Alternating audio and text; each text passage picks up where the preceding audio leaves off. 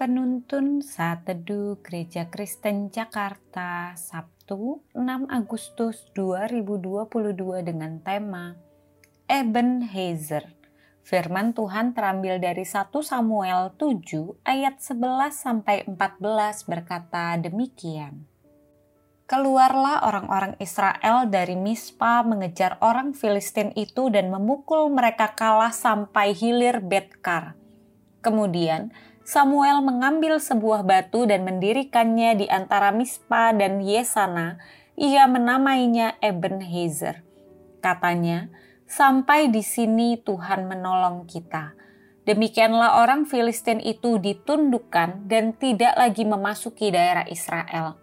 Tangan Tuhan yang melawan orang Filistin seumur hidup Samuel dan kota-kota yang diambil orang Filistin daripada Israel kembali pula kepada Israel, mulai dari Ekron sampai Gad, dan orang Israel merebut daerah sekitarnya dari tangan orang Filistin, antara orang Israel dan orang Amori ada damai.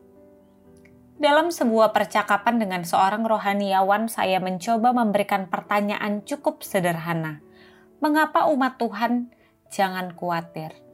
Jawaban dari rohaniawan itu terdengar rohani dan umum di telinga kita. Karena Tuhan di pihakmu, bersama dengan dirimu. Ketika saya kembali bertanya, apakah mungkin Tuhan di pihakmu kalau engkau sedang melakukan dosa dan kejahatan?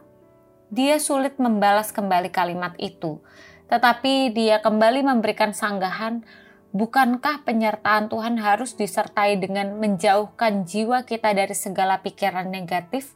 Mengakui kita manusia yang rentan berdosa merupakan pikiran negatif dan membuat celah bagi kekhawatiran.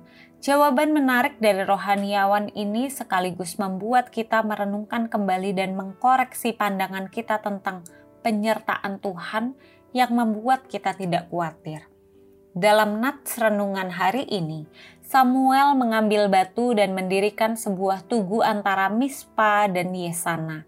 Dia menamainya Ebenezer dan ia memberikan maknanya yaitu sampai di sini Tuhan menolong. Apa artinya? Pertama, ini pertobatan dan ketaatan.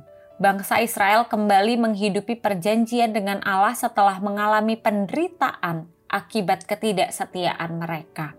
Bangsa Israel memutuskan untuk menjauhkan diri dari penyembahan kepada Ashitoret, kembali beribadah dan berseru kepada Tuhan. Dan Tuhan menolong bangsa Israel keluar dari penjajahan sampai pada masa itu. Mereka tidak boleh kembali menyembah berhala untuk seterusnya. Kedua, kalimat sampai di sini terjemahan ESV till now memiliki makna yang lebih dalam lagi bahwa Allah masih bekerja sampai di sini, tidak terhentikan bagi bangsa Israel. Allah tidak berhenti berkarya. Dia akan terus berkarya mendidik umatnya sejak semula.